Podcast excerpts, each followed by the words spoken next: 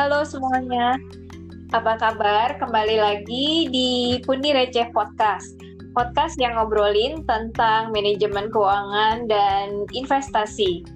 Podcast dan blog Pundi Receh ini tujuannya murni untuk edukasi, jadi uh, bukan untuk referensi investasi, asuransi, atau financial produk lainnya. Oke, hari ini uh, kita mau bahas lagi tentang saham. Jadi uh, buat teman-teman yang baru dengerin Pundi Receh Podcast ini, um, di empat episode terakhir kita udah ngebahas tentang investasi saham. Uh, kita bagi empat bagian uh, dari awal bagian pertama, kedua, ketiga, keempat itu kita udah ngomongin uh, apa itu saham, apa itu stock index, uh, terus kita juga udah coba bahas detail informasi tentang saham. Nah, hari ini um, untuk bagian keempat atau bagian terakhir ini kita mau uh, kasih tahu tentang garis besar dari tipe-tipe saham atau tipe-tipe stok yang ada di bursa saham atau di market. Uh, bersama dengan saya Iren dan juga teman saya Doni. Doni ini adalah penulis uh, blog pundireceh.com Don, apa kabar? Halo En, halo semua. Iya, kabar baik. Bagaimana kabarmu? Baik, baik. Oke, uh, ini banyak banget ya tentang saham. Kita udah sampai di bagian keempat nih. Iya, karena saham itu luas sekali. Jadi, biar informasi yang kita bagikan itu sang, uh, lebih detail, makanya kita bagi menjadi empat.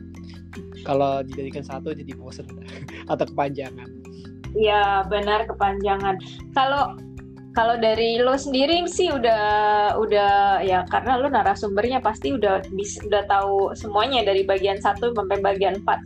Uh, eh, gue mau share aja sih kalau dari bagian yang pertama kemarin kan tentang saham uh, bond gitu ya gimana cara buka account oke kalau itu buat buat uh, pengalaman gue sih udah udah pernah gitu udah lewat terus stock index dan detail informasi tentang saham stock index ya oke okay lah informasinya kurang lebih uh, cukup cukup bermanfaat. Detail detail informasi tentang saham itu buat kalau buat gue sendiri sih ya itu sangat berguna. Nah kemarin uh, minggu-minggu kemarin tuh gue coba-coba uh, lihat gitu kan di di marketnya Singapura. Oh yang ini nih uh, ada satu saham yang gue udah pernah beli gitu kan. Terus gue coba loh kok dia sekarang uh, bagus ya gitu. Maksudnya agak naik nih gitu. Tapi hmm, waktu itu kan gue sempat juga ya tanya ke lu don. Uh, iya. apa? PI-nya ya PI-nya lagi lagi uh, turun apa kalau nggak salah? Gue bilang lagi murah kan tapi ternyata lu lu bilang enggak itu itu mahal gitu. Ternyata dari detail informasi yang gue cek gue sendiri cek masih belum cukup. gue lupa yes. Iya. cek yang so, yang so, industri ya. Iya, soalnya PI-nya kan uh, nggak PI itu adalah relative valuation. Jadi uh, dilihatnya jangan bukan secara sendiri atau individual, tapi pasti di dibandingkan dengan PI industri, eh, industri peer atau kompetitor sama PI-nya market dan juga PI-nya dia sendiri, perusahaan itu sendiri di tahun-tahun sebelumnya gitu. Makanya waktu lu kasih ke tahu gue ini PI-nya lumayan rendah. Coba dibandingkan sama yang sebelum-sebelumnya gitu. Atau yang dibanding sama yang lain. Itu belum cukup, uh, bagus atau belum cukup murah untuk diinvestasi. Iya, jadi uh, karena kan gue pikir oke, okay, gue udah apa kemarin kan uh, terakhir kita bahas oh, detail informasi saham. Nah ini CPI ini memang uh, PI ratio ini satu parameter yang biasanya sih gue nggak perhatiin gitu kan ya. Terus uh, abis bahas detail informasi saham gue coba oke okay deh coba lihat uh, setiap kali lihat ada saham setiap kali gue mau lihat saham tertentu uh, gue cek dulu gitu kan PI-nya juga sekalian. Nah waktu minggu kemarin kan pas kita bahas PI ratio tuh kan gue tanya kan uh, PI ratio yang oke okay, itu yang seberapa gitu. Waktu itu kalau nggak salah jawabannya sekitar 20 sampai 30 berarti masih murah kan ya? Uh, sebenarnya 10 sampai 20 tapi 20 30 oke okay lah. Soalnya uh, tergantung industri apa. Kalau industri healthcare itu kebanyakan 30-an 25 Iya. sampai 30-an gitu. Nah, pokoknya di antara range itu gue pikir, wah, ini murah nih, berarti eh, saatnya bisa masukin eh, investasi ke sini gitu kan. Tapi pas gue counter check gitu kan, kalau gue counter check, eh ternyata belum cukup. Berarti eh, apa namanya? nggak bisa nggak bisa satu page doang dari dari Yahoo Finance doang di Yahoo Finance nggak ada kayaknya informasi yang PE ratio berdasarkan industri itu ya Eh, iya, harus ke Morningstar sama yang lain Bloomberg. Kalau di Nah. Morningstar ada eh, comparison dengan eh, dengan tahun-tahun sebelumnya sama deng- eh, dengan dengan indeks. indeks di industri itu ya berarti ya. Iya, enggak in- indeks market kayak eh, STI ETF. State Oh, oke. Index, eh, indeks secara keseluruhan. Indeks Oh, market secara keseluruhan. Oke, berarti eh, jangan cuma lihat dari PE ratio si detail itu, compare dengan eh, indeksnya juga. Iya, sama eh, Compare sama dengan yang sama compare lagi dengan kompetitor. industri industri industri kompetitor. Oke. Berarti ya itu apa gue share eh, pengalaman kemarin aja ke- pengalaman minggu ini ternyata mesti dijadiin satu jangan dipecah-pecah ya. Jadi dari stock index dilihat juga, terus detail informasinya dilihat juga, terus di benchmark sama eh, PE ratio di industri itu. Gitu. Iya. Jadi eh, analisanya harus secara keseluruhan. Ada le- lebih ribet sih. Tapi ini belum ini masih bagian awal. Nah kalau kita udah membahas fundamental analisis, entah ada di bagian terakhir kita bakal bahas juga itu apa yang mesti kita lihat eh, secara detail tentang eh, perusahaan itu. Iya, ya menurut gue sih maksudnya nggak apa-apa lah kita belajar sedikit-sedikit atau kita kasih tahu ke teman-teman sedikit-sedikit. Nanti kan pokoknya informasinya udah udah kita sampein semua. Terus eh, a- kalau ada feedback dan lain-lain atau ada sharing kayak pengalaman gue kemarin gitu kan, eh ternyata dilihat nggak cuma lihat yang satu doang, mesti lihat benchmark juga ke tempat-tempat lain gitu. Ibaratnya kalau kita mau beli mau beli barang gitu kan ya mau beli barang kan nggak cuma cek satu merek doang nih yang merek lain juga di dicek yang eh, apa namanya yang levelnya sama juga dicek gitu kan ya Iya kan ada tulisannya tolong cek toko sebelah. kayak kayak apa kayak judul film. Oh iya, gue juga mau sharing kalau eh, ada suatu company namanya Mycon di di US market. Mycon itu eh, dari dulu saya bingung kok Mycon ini PI-nya itu 6, kadang-kadang 5 gitu. Di bawah 10 tuh selama lima tahun atau berapa tahun hampir Ya. 8 tahunan gitu. Heeh, Terus terus habis itu kemarin eh, kemarin saya lihat lagi, loh PI-nya 25. Wah, keren banget nih. Tapi harganya murah. Maksudnya harganya eh, harga absolute price ya, maksudnya kayak USD harga di stock marketnya itu sekitar 50-an. Itu termasuk mahal. Nah, tapi eh, biasanya juga 50 eh, harga 50-an juga PE cuma 11 atau 10-an. Kenapa? Ternyata setelah saya lihat itu eh, ternyata profitnya atau earningnya itu turun kan eh, karena po, eh, PE itu price per earning kan jadi kalau hmm, yang bagian bawahnya itu per earningnya itu turun berarti PE Iya. naik gitu nah berarti itu eh, kalau gue sih nangkepnya berarti kita mesti hati-hati dong karena PI sebelumnya kan cuma 6 terus sekarang dia jadi naik kan? Dari pergerakannya dia naik aja tuh sebenarnya kita udah ada indikasi itu dia semakin mahal gitu sebenarnya. Bener gak sih? Iya se- semakin mahal. Ta- ta- tapi juga dulu waktu eh, waktu 50-an itu kan harganya Mycon kan sekitar 36 sampai 54 lah jadi sekitar situ saja. Nah itu 50 50-an dulu masih PI-nya eh, kalau 30-an mungkin PI-nya 6 nah kalau 50-an tuh sekitar 11 12-an tapi ini 25 kenapa? Padahal eh, dari 50-an juga dari dulu 50 itu nggak sampai PI-nya di setengahnya. Ternyata eh, karena earning. Earning itu pembagi kan Hmm. apa dibagi Iya. earning kan. Jadi kalau eh, di bawahnya itu uh, turun berarti otomatis uh, PI-nya naik Oke, sip, sip, sip. Kayak ya. kita bisa bikin satu episode sendiri tentang PI. ya benar. Jadi jadi itu adalah salah satu hal yang menarik yang mesti kita lihat. Uh, ada kena, uh, kenapa kok PI-nya naik atau turun gitu. Pasti ada sebabnya. Ada karena soalnya ada ya. dua komponen price atau earning. Jadi salah satunya pasti naik atau turun dan yang lainnya juga naik atau turun. Nah itu bakal berpengaruh sama uh, kesel, uh, eh, PI keseluruhannya. Oke. Okay. Oke okay, oke. Okay. Ya nih bener nih. Kayak kita mesti buka sih satu episode sendiri PI ratio. Iya. Kan karena banyak triknya gitu kayak uh, apa namanya oke okay, kayak tadinya kan kalau gue sih ya mau gampang aja gitu oke okay, antara nominal sekian dan sekian berarti murah nih ternyata nggak bisa salah gitu kan. Uh, kayak lo kelihat oh dari 6 ke 25 masih juga dalam nominal yang kita bahas tapi ternyata dia mahal. Berarti kan ada faktor lain gitu yang kita mesti lihat dari dari si kita mengevaluasi PE ratio itu uh, parameter yang kita mesti cek tuh cukup banyak menurut gua. Iya benar. Nanti kita uh, bakal lihat tipe-tipe saham dan kita bisa lihat ini uh, tipe sahamnya apa. Nanti saya kita bakal balik ke kasus Micron. Iya. Soalnya dia itu uh, bukan growth company tapi value company. Nah, okay. tapi uh, sekarang kenapa jadi tiba-tiba jadi naik? Nah, itu ntar kita bahas. Oke, okay, sip.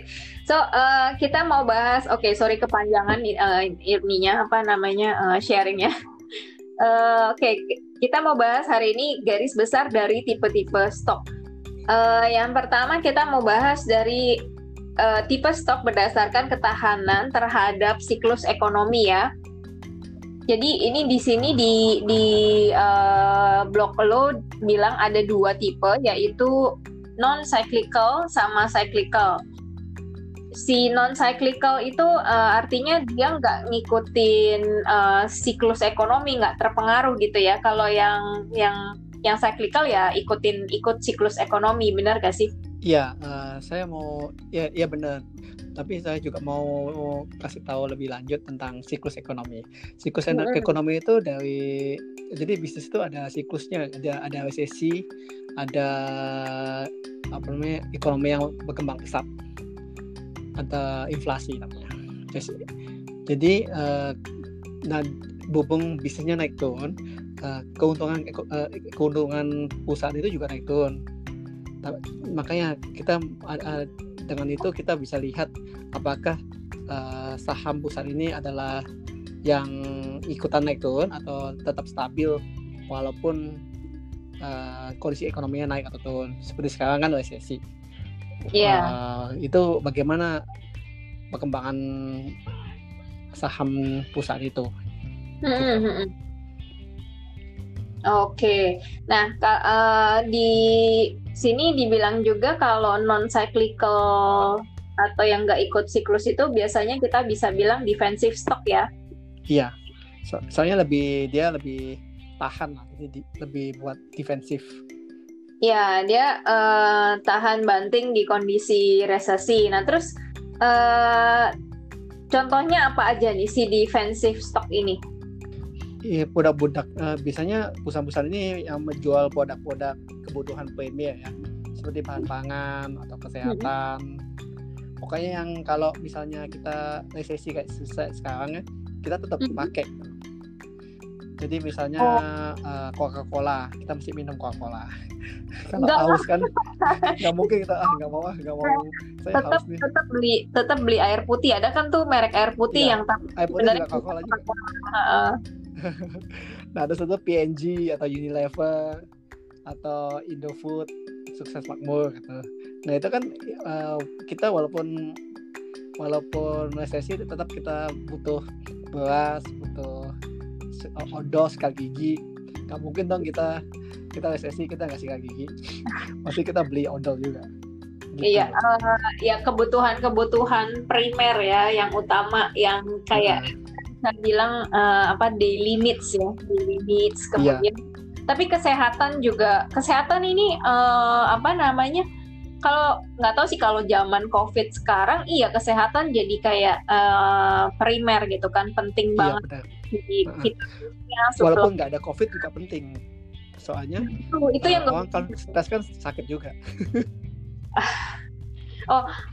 Ya kayak misalnya kayak waktu krisis moneter yang sebelumnya gitu kan itu apakah industri kesehatan juga jadi jadi uh, defensive industry atau yang stok-stoknya juga jadi defensive stocks gitu Hmm, iya benar. Soalnya uh, orang tetap ke, ke dokter gigi ya, atau orang tetap uh, beli obat panadol dan sebagainya. A- Iya. Atau kalau Kalau sakit, ya, sakit, orang tetap jatuh sakit mau untuk SSI. tetap ya Ya kalau apalagi kalau uh, banyak yang kehilangan pekerjaan, mereka juga pusing juga kadang-kadang kalau uh, gimana caranya nyari kerjaan. ya Nah, atau stres gitu. Nah, kalau stres sama pusing kan kemungkinan besar juga sakit lah. Jadi uh, juga butuh obat. Nah, itu juga. Jadi makin SSI mungkin jumlah orang yang butuh uh, obat meningkat itu. ada Makanya- oke oke terus Makanya uh, kesehatan uh, pusat-pusat kesehatan ini juga uh, masih tahan banting lah walaupun resesi. kalau zaman sekarang gini gue tahu ada lagi satu kebutuhan primer tau nggak apa Apa? wifi man Oh iya. Oh Pribadi. sekarang teknologi ya yang kayak Zoom atau gitu. Iya katanya kalau uh, orang uh, nggak butuh makan lagi tapi mereka butuh wifi. Iya. Dan related ke wifi, ya wifi jadinya relatednya ke eh, apa sistem telekomunikasi ya, telekomunikasi, eh, data plan, terus eh, handphone dan battery mungkin ya. Ya juga transportasi. Orang juga masih naik kereta atau bus untuk transport. Nggak mungkin kalau resesi dia mereka jalan kaki. Sekarang orang nggak jalan kit, nggak ini apa namanya di Jakarta tuh lagi booming ini pada beli sepeda. Oh ya, Brompton ya Brompton. nggak cuma Brompton itu kemarin kemarin ada yang eh, apa gue ditunjukin gile ramai banget loh di di toko sepeda sampai antri udah kayak antri dokter Oh ya, iya sepeda biasa ya. amazingly ya Ka- kalau orang kalau di Indo sih gitu sih begitu sekali boom langsung wah semua Iya, soalnya mungkin uh, lagi mau ini kali apa namanya? Lagi menuju ke arah green environment ya. Go green. mudah-mudahan sih ke arah situ ya Iya. nggak cuma Bagus, ikut-ikutan doang Oke, nextnya eh, cyclical stocks. Cy- cy- Cyclical stocks ini berarti dia ngikutin fase ekonomi. Kalau fase ekonominya lagi resesi, dia ikut turun. Pas lagi naik, ya naik juga gitu. Orang-orang pada spending, beli dan lain-lain. Bener ya? Ya benar. Jadi biasanya eh, kebalikannya tadi kan eh, defensive stock itu kayak kebutuhan primer, daily needs. Nah kalau ini lebih ke kebutuhan sekunder atau lebih ke tersier atau yang sebenarnya nggak perlu tapi pada saat ekonomi lagi bagus orang pasti mau beli. Mm-mm. Iya, seperti golongan mewah lah yang kayak LV lah, Ferrari atau Starbucks atau Singapore Airlines atau airlines company kan orang pada, pada banyak traveling. Terus habis itu apalagi eh, kayak iPhone. Jadi atau ko- komputer eh, MacBook, pokoknya mahal-mahal. Juga Brompton nih maksudnya. Eh Jadi punya, itu punya termasuk bahan mewah. ada IPO-nya men. Belum mungkin mungkin mungkin next time. Gue baru itu yang gym membership juga.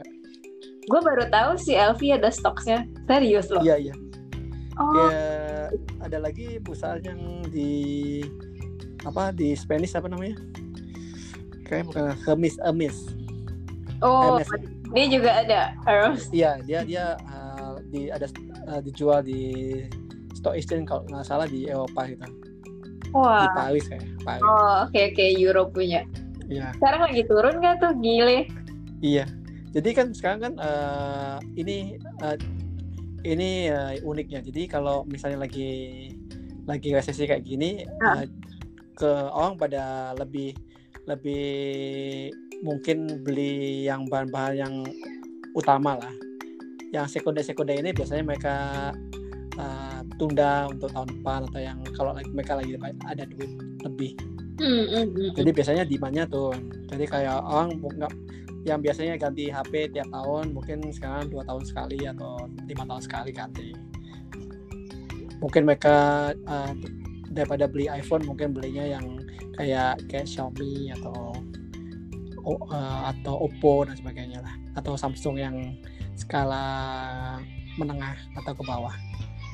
Tapi ini kalau lagi resesi gini ya, berarti kita uh, apa namanya bisa ambil kesempatan pada saat dia harga murah terus kita invest kan berarti. Iya benar. Jadi jadi kalau tergantung kalau kita maunya uh, stoknya nggak turun, uh, kita bisa investasi di defensive stock. Tapi kalau kita maunya yang buat long term, in, uh, waktu saat seperti ini yang kita bisa beli uh, stok yang cyclical stock ini, saham-saham cyclical yang barang-barang mewah ini. Tapi kalau mau cari aman ya, lo ambil apa? Kalau kalau gue sih kalau mau cari aman ya ambil satu ada defensive stock, ada yang cyclical stock. Iya benar. Iya gak sih? iya. Jadi jadi uh, ada juga namanya uh, portfolio uh, ini kan apa penggantian portfolio lah. Nah jadi uh, kalau sekarang kita muternya perputaran portfolio. Jadi uh, muternya ke cyclical stock. Terus ntar kalau uh, lagi booming nih, nah kita uh, putar pelan-pelan ke defensive stock. Jadi hmm. soalnya kalau waktu habis booming biasanya diikuti dengan resesi kan. Iya nah, benar. Itu defensive stock itu biasanya lebih uh, lebih tinggi Saham. uh, sahamnya, masih profitable ya. Uh, uh, uh, uh. daripada daripada cyclical. Jadi misalnya kita bisa untung 2% gitu. Tapi yang cyclical minus 10 ya daripada minus mendingan 2% per tahun lah gitu.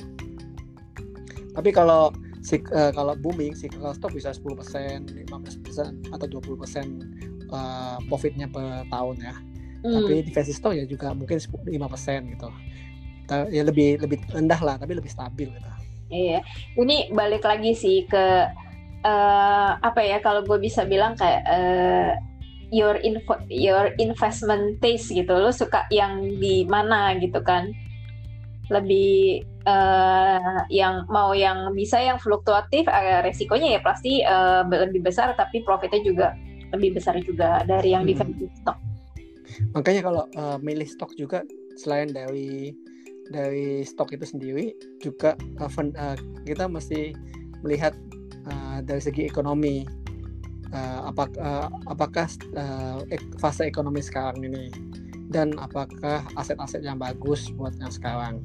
Hmm. Jadi kayak sekarang kan uh, orang pada takut semua kan. Jadi mereka ke arah ini apa yang lebih defensif. Jadi kalau mau kalau mereka punya stok, mereka biasanya milihnya defensive stock. Tapi ada juga mereka yang memilih beli gold atau emas dan juga bond. Jadi soalnya turunnya nggak nggak lebih lebih lambat lah gitu. Oke, sip sip. Nah, uh, yang di di bagian kedua, tipe kedua, ada lagi nih saham-saham saham yang berdasarkan dari uh, pendapatan perusahaannya gitu ya. Yang pertama ada growth stock, yang kedua ada value stock. Sama kayak tadi si growth stock sama value stock ini uh, dua dua stok yang bisa dibilang uh, bertolak belakang gitu, Don? Iya benar jadi uh, bedanya uh, jadi ada dua alternatif lah jadi tergantung kita mau strategi investasi kita kayak kayak gimana gitu mm-hmm. si jadi, growth stock nih iya sorry sorry. Ya. lanjut lanjut. Iya kenapa growth stock apa Iya, si growth stock uh, intinya dia saham yang diprediksi itu akan terus uh, melesat lah ya istilahnya ya. Atau sekarang nih lagi lagi di fase yang dia akan growing terus. Halo? Halo Wen. Uh -uh. ya si uh, ke growth stock down iya jadi uh, seperti yang lo bilang tadi growth stock ini adalah yang fase-fase awal. Jadi kalau terutama teknologi company yang baru startup lumayan uh, lumayan udah lama sih tapi tetap termasuk startup. Terus habis itu yang barusan IPO gitu. Nah ini uh, ghost stock ini biasanya uh, PI-nya besar atau juga mungkin PI-nya nggak ada karena PI itu tergantung profitability atau keuntungan. Jadi kalau nggak ada keuntungannya berarti apa pun uh, harganya dibagi keuntungan tapi kalau keuntungannya nol ya nggak bisa ya. bilangnya tidak tidak NA ya not applicable gitu. Nah itu uh, bias biasanya yang growth company kayak Tesla gitu atau Shopify, Shopify atau Zoom itu termasuk growth company. Kenapa PI-nya tinggi? Karena investor yakin di masa depan uh, company ini bakal untungnya bakal lipat seperti yang kita bahas minggu lalu tentang PI ya. Kenapa yeah. PI-nya besar? Apa itu PI yang uh, berapa keuntungan apa keuntungan yang didapat di di masa yang akan datang lah itu menentukan PI-nya. Jadi mm -hmm. kalau PI-nya seribu berarti investor yakin di tahun ke, di tahun yang akan datang dia bisa dapat keuntungan seribu kali lipatnya. Gitu. Nah itu biasanya karena perusahaan kecil dari satu ke seribu lebih gampang daripada perusahaan yang besar. Jadi kalau udah besar banget susah banget uh, grow-nya gitu. Oke. Okay. nah oke okay, terus itu ada lagi namanya value stock value stock uh -huh. hmm, ya value stock ini di kebalikannya dari growth stock. Dia udah gede banget. Dan pendapatannya dan keuntungannya lebih stabil dan lebih lambat jadi dia consistently konsisten banget untungnya jadi tiap tahun pasti untung dan juga untungnya itu pasti naik terus tapi naiknya pelan jadi satu persen eh, dua persen per tahun gitu, atau lima persen per tahun nggak kayak yang tadi bisa 10 persen atau 50 persen atau 100 persen gitu. Hmm, nah, okay. karena udah gedean jadi susah mereka nggak mau nggak tahu mau mau investasi di mana buat buat mengembangkan bisnis mereka. Hmm.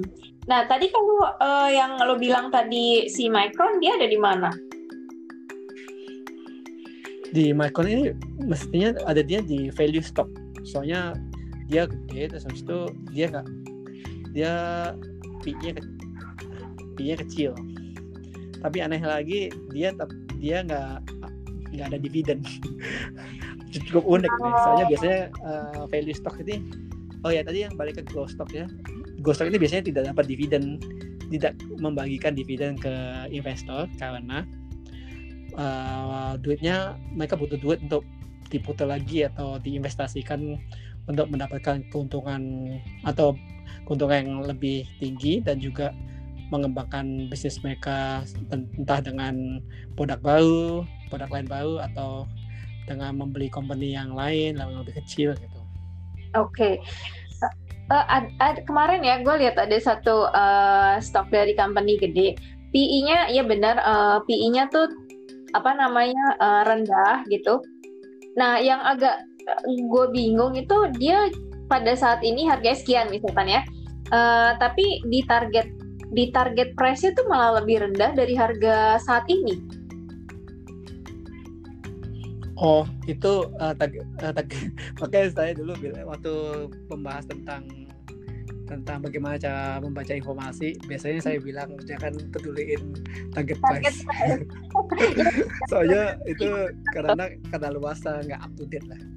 Oh, oke, okay, oke. Okay. Iya. Ya, mungkin dia bisa tuh turun, uh. mungkin uh, dia uh, like investor nggak yakin kalau kalau perusahaan ini bakal sahamnya naik lah. Iya, itu tadi eh apa gue pikir iya apa diprediksinya memang akan turun gitu kan. Oke. Okay. Ya jangan jangan liatin harga uh, prediksi yang kita bisa mesti lihat itu adalah earningnya atau revenue-nya. Revenue atau uh, pendapatan atau keuntungan yang bakal didapat perusahaan ini di kuartal yang depan atau tahun yang depan uh, tahun setahun lagi gitu. Iya, soalnya tau gak sih itu ya data-data yang parameter PI ratio, target price itu kan di halaman pertama don. Jadi somehow itu pasti akan uh, apa ya? Kelihatan. Ya? Kelihatan lah gitu. Kalau earnings apa kan kita mesti klik di tab-tab yang lain gitu kan. Iya benar-benar. Agak masuk gitu kan. Jadi kenapa mesti di sini gitu kan? Kalau lo lagi buru-buru atau cuma cuma punya waktu uh, sebentar untuk ah mau cek apa gini kok ini begini ya? Gitu. Nggak nggak sempet analisa yang uh, terlalu mendalam gitu. Harusnya tuh earnings earnings atau pendapatnya tempel di halaman pertama ya kan iya benar juga. Tapi kalau tempel di dalam halaman pertama uh, orang-orang juga nggak tahu bacanya gimana itu apaan. Iya sih. Kalau kalau harga kan oh lihat oh ada harga gitu. Jadi yang gampang dimengerti biasanya atau yang gampang buat investor atau spekulator uh, beli saham kan tinggal liatin harga doang gitu. Iya benar-benar.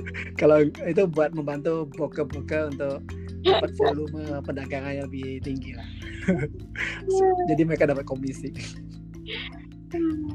Oke. Okay. Ya jadi balik lagi ke sini. Jadi PI yang rendah itu termasuk murah dibanding dengan ghost stock ya. Jadi PI-nya value stock.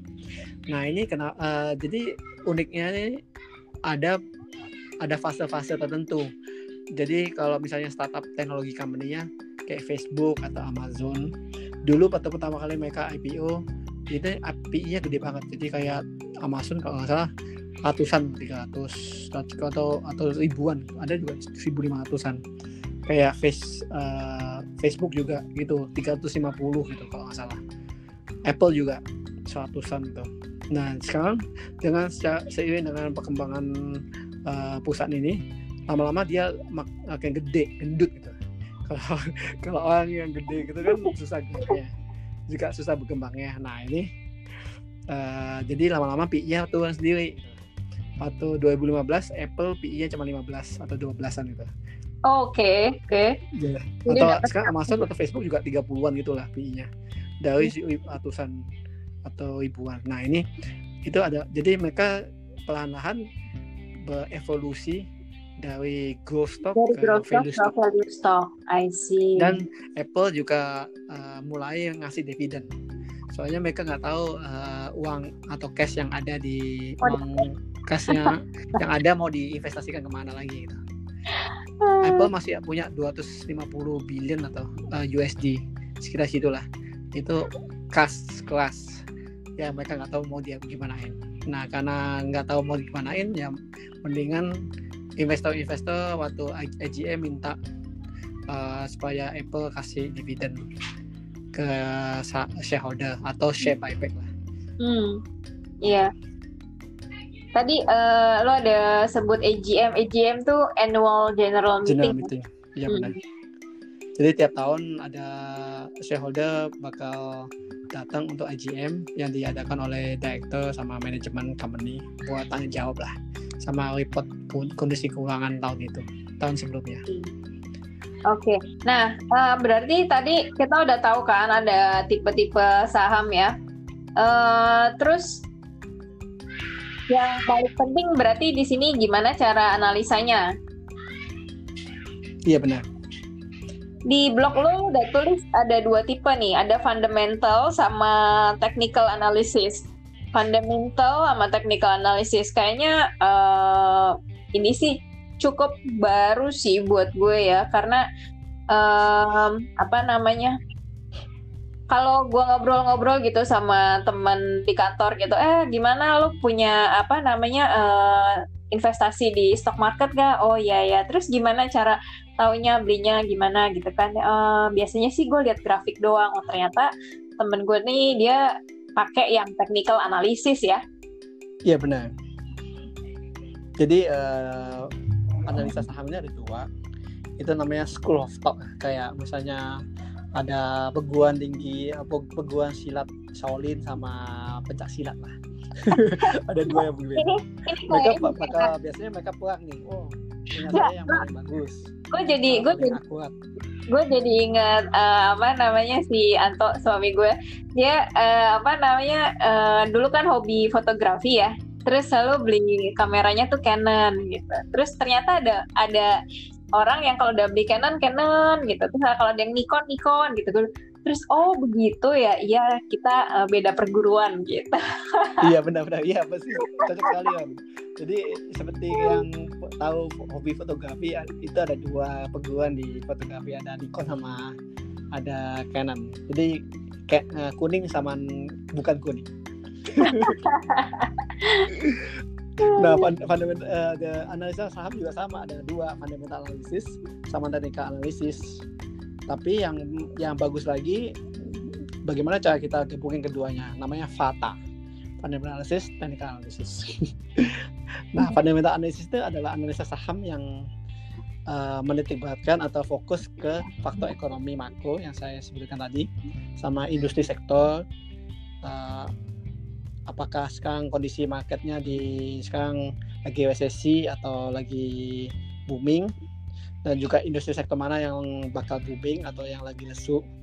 Juga setelah itu baru melihat uh, perusahaan-perusahaan di sektor itu uh, sektor yang kita mau pilih pilih itu un untuk menganalisa laporan keuangan mereka.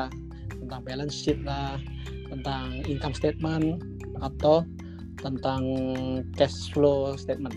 Jadi jadi penting. Jadi biar kita tahu kondisi uh, keuangan perusahaan itu bagus apa enggak kuat apa enggak balance sheetnya atau keuntungannya stabil atau tidak atau konsisten. Uh, dan manajemennya bagus. Manajemen itu penting. Jadi manajemen yang bagus itu uh, bakal membawa perusahaan ini ke ke ke right direction lah. Ke tujuan yang benar. Gitu. Setelah itu baru uh, kita milih sahamnya dan kalau technical analysis itu di lain di lain pihak dia analisanya cuma liatin grafik aja. Nggak peduli mau uh, pusatnya berantakan atau uh, untung uh, utangnya gede mau mau untungnya minus. Nggak peduli pokoknya nah, oh gua liatinnya grafik aja men jadi kalau oh, grafiknya naik nih gitu. oh itu bakal dia bakal naik atau dia mesti oh ini bakal ganti arah biasanya jual gitu. Nah ini karena metode analisa saham ini berdasarkan uh, prinsip seperti yang sejarah-sejarah kita sejarah itu akan selalu berulang. Ini juga saham-saham harga yang di masa lampu dengan rentang tahun dengan rentang waktu tertentu bisa uh, bisa berulang lagi gitu. Ini uh, apa namanya basicnya si technical analysis ini. Karena mereka apa namanya orang-orang yang menggunakan technical analysis percaya kalau sejarah akan berulang gitu dan harga kalau udah uh, sekarang lagi tinggi nanti akan turun gitu dan nanti akan naik lagi. Iya benar. Jadi jadi dia, dia mereka lihat uh, resisten atau support. Oh ini dibanding sama harga ini dia masih uh, misalnya harganya sekarang 35 turun dari 40 oh uh, di masa lampau itu setahun belakang itu ya harga harga paling kecil 30 nggak mungkin dari turun dari situ. Nah makanya namanya resisten uh, support. Jadi uh, dari 35 kalau 30 naik lagi ke 32 berarti 30 itu ada harga terendah gitu. Jadi nggak oh, mungkin turun okay. lagi gitu. Bakal naik lagi berubah arah gitu. Be ya based on um, apa ya kalau gue bisa bilang kayak uh, statistical record atau historical record yang yeah. yang yang udah direcord selama ini di di pasar saham lah istilahnya. Udah puluhan tahun gitu. Dan karena ada istilahnya ada uh, grafiknya tuh selalu berulang dan sama makanya mereka punya kayak mem membikin formula-formula itu ya.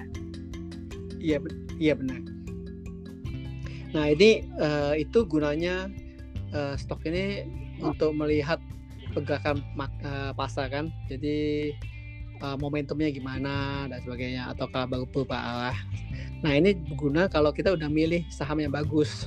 Dan biasanya kalau fundamental analysis itu diikuti dengan uh, valuasi kan. Valuationnya ada yang kayak kalau tadi kita bahas uh, relative valuation. Jadi PE-nya dibanding sama PE yang lain. Terus dia rata-rata. Terus dikalikan sama PI sekarang itu harganya berapa? Gitu. Jadi uh, dikalikan earning sekarang. Jadi misalnya PI rata-rata di industri itu 20 nah mm-hmm. sekarang PI ini 15 ya, uh, jadi 20 tadi dikalikan sama earning apa keuntungan yang itu itu jadi harga saham yang uh, relatif uh, rata-rata seharusnya lah. Jadi kalau mm-hmm. di bawah itu berarti uh, lebih murah gitu sehingga kita bisa beli juga ada yang absolute valuation jadi dia uh, uh, berdasarkan DCF lah dolar uh, DCF sama pokoknya kayak uh, dividen yang akan datang sama cash flow yang akan datang Ini masih Itu. di fundamental kan? Iya fundamental. Jadi dia Ah. bisa lihat uh, valuasi uh, intrinsic value dari company ini berapa gitu. Hmm, Nah, oke oke. Itu setelah itu kita bisa lihat oh ini under value atau over value. Itu berdasarkan fundamental.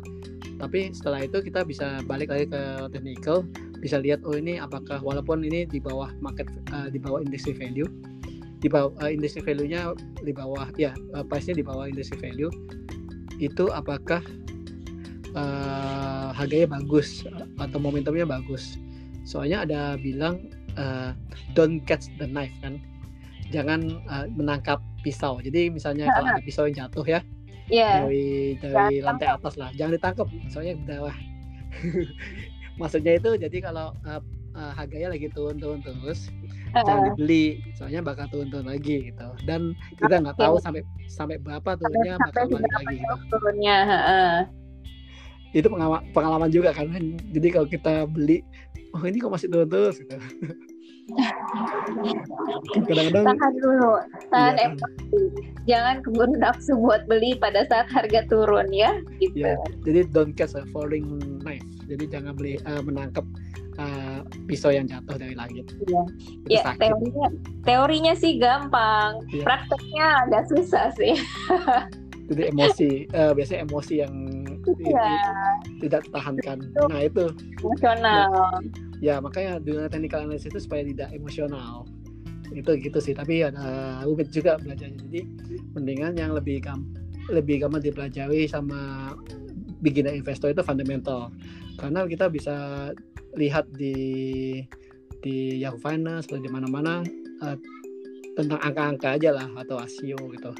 Apakah dia balance bagus atau apa untung, untung apa enggak. Kan untung itu pasti ada di situ keuntungannya bakal naik terus apa enggak gitu. Iya, oke. lebih lebih nggak abstrak lah lebih real lah. Kalau yang technical analysis kayaknya lebih abstrak ya soalnya dari orang ke orang beda-beda penerjemahannya Oh, jadi bisa bisa beda lagi ya orang orang per orang dia menganalisis si grafiknya itu. iya beda beda beda dengan dia pakai parameter apa aja gitu Ya, kalau kalau gue pribadi sih kalau dari apa lihat technical analysis ya kayak em, gimana ya?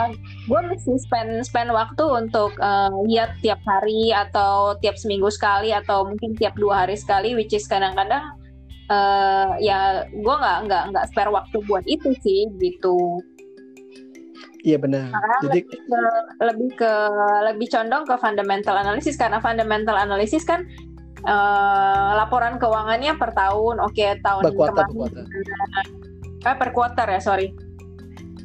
Per iya per quarter kuartal tapi bisa kita bisa lihat kalau kita dia eh, per tahun juga bisa sih. Tapi biasanya mereka update-nya per, update-nya per tahun per kuartal.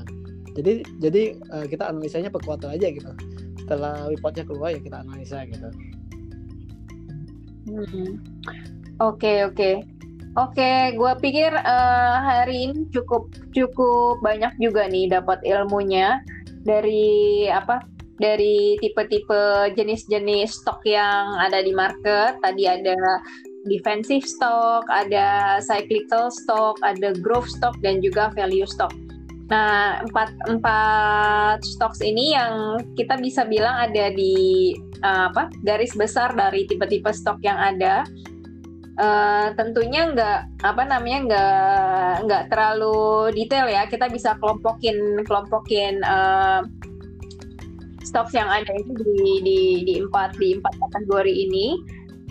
Gimana milihnya atau apa mau pilih yang mana? Ya tadi udah dijelasin uh, lihat bisa lihat dari siklus ekonomi, bisa lihat dari uh, apa namanya kecenderungan perkembangan si si apa si perusahaan itu tadi. Terus gimana juga caranya kita menganalisis saham ada fundamental dan technical analysis. Oke, okay, that's a wrap for today. Iya, jadi Ada- ini adalah sesi terakhir dari saham. Oh ya. Saham hari ini sesi terakhir. Iya, Kita tapi kita bahas bakal bahas juga tentang fundamental analysis ya kalau mantap. Oke, next next sessionnya berarti ke fundamental analysis bukan atau bukan ke enggak yang next uh, beberapa sesi yang la- lagi lah Oke, oke. soalnya kita bakal membahas tentang aset-aset kelas yang lain dulu jadi biar Oh, kebagian semua lah Wah, ini kan baru aset-aset kelas tentang saham ya. Iya. yang kalau aset kelas terakhir eh, bond dan obligasi kan udah kan? Iya, kan fixed deposit, bond sama de- obligasi itu saham. Terus ntar kita bakal lihat ke mutual fund atau reksadana dan juga ETF exchange traded fund. Nah, itu pastinya eh, seru. So, em, itu kita simpan buat episode selanjutnya. Ka- untuk lebih detail, teman-teman bisa baca di blog pundireceh.com, www.pundireceh.com. Di situ ditulis eh, lebih detail, bisa lihat eh, dan bisa dibaca juga. Tapi kalau nggak sempat baca, ya bisa deng- dengerin langsung di podcast kita. Oke, segitu aja dulu untuk hari ini. Eh ada tambahan lagi nggak Don sebelum? Ya, kalau ada pertanyaan eh, tulis aja di komen situ di web eh, websitenya, blognya atau ko- atau li- eh, tulis di kontak us aja. Oke, kita belum punya eh, belum punya Instagram ya Mas? Ya, kita punya Masih Facebook, belum. kita punya Facebook pun di. Oh lo udah bikin ya? Iya iya. Wah gerak cepet juga loh. Iya iya. Jadi eh, bisa ikutin Facebook kita di pun di receh. Di Facebook. Facebook Ada. pun di receh. Ada Facebook page-nya. Iya, ada Facebook page-nya. Iya, nggak nggak terasa udah sampai eh, episode ke-9 minggu depan eh, kita bakal masuk ke episode 10. Eh, stay tune terus di Pundi Receh Podcast. Semoga informasi yang kita bagikan ini berguna untuk teman-teman semua belajar mulai untuk manajemen keuangan dan investasi juga. Oke, segitu aja dari kami. Saya Iren dan juga Saya Doni. terima kasih sampai Terima kasih kita ngobrol-ngobrol lagi di episode selanjutnya di Pundi minggu depan. Bye Stay safe bye. Bye.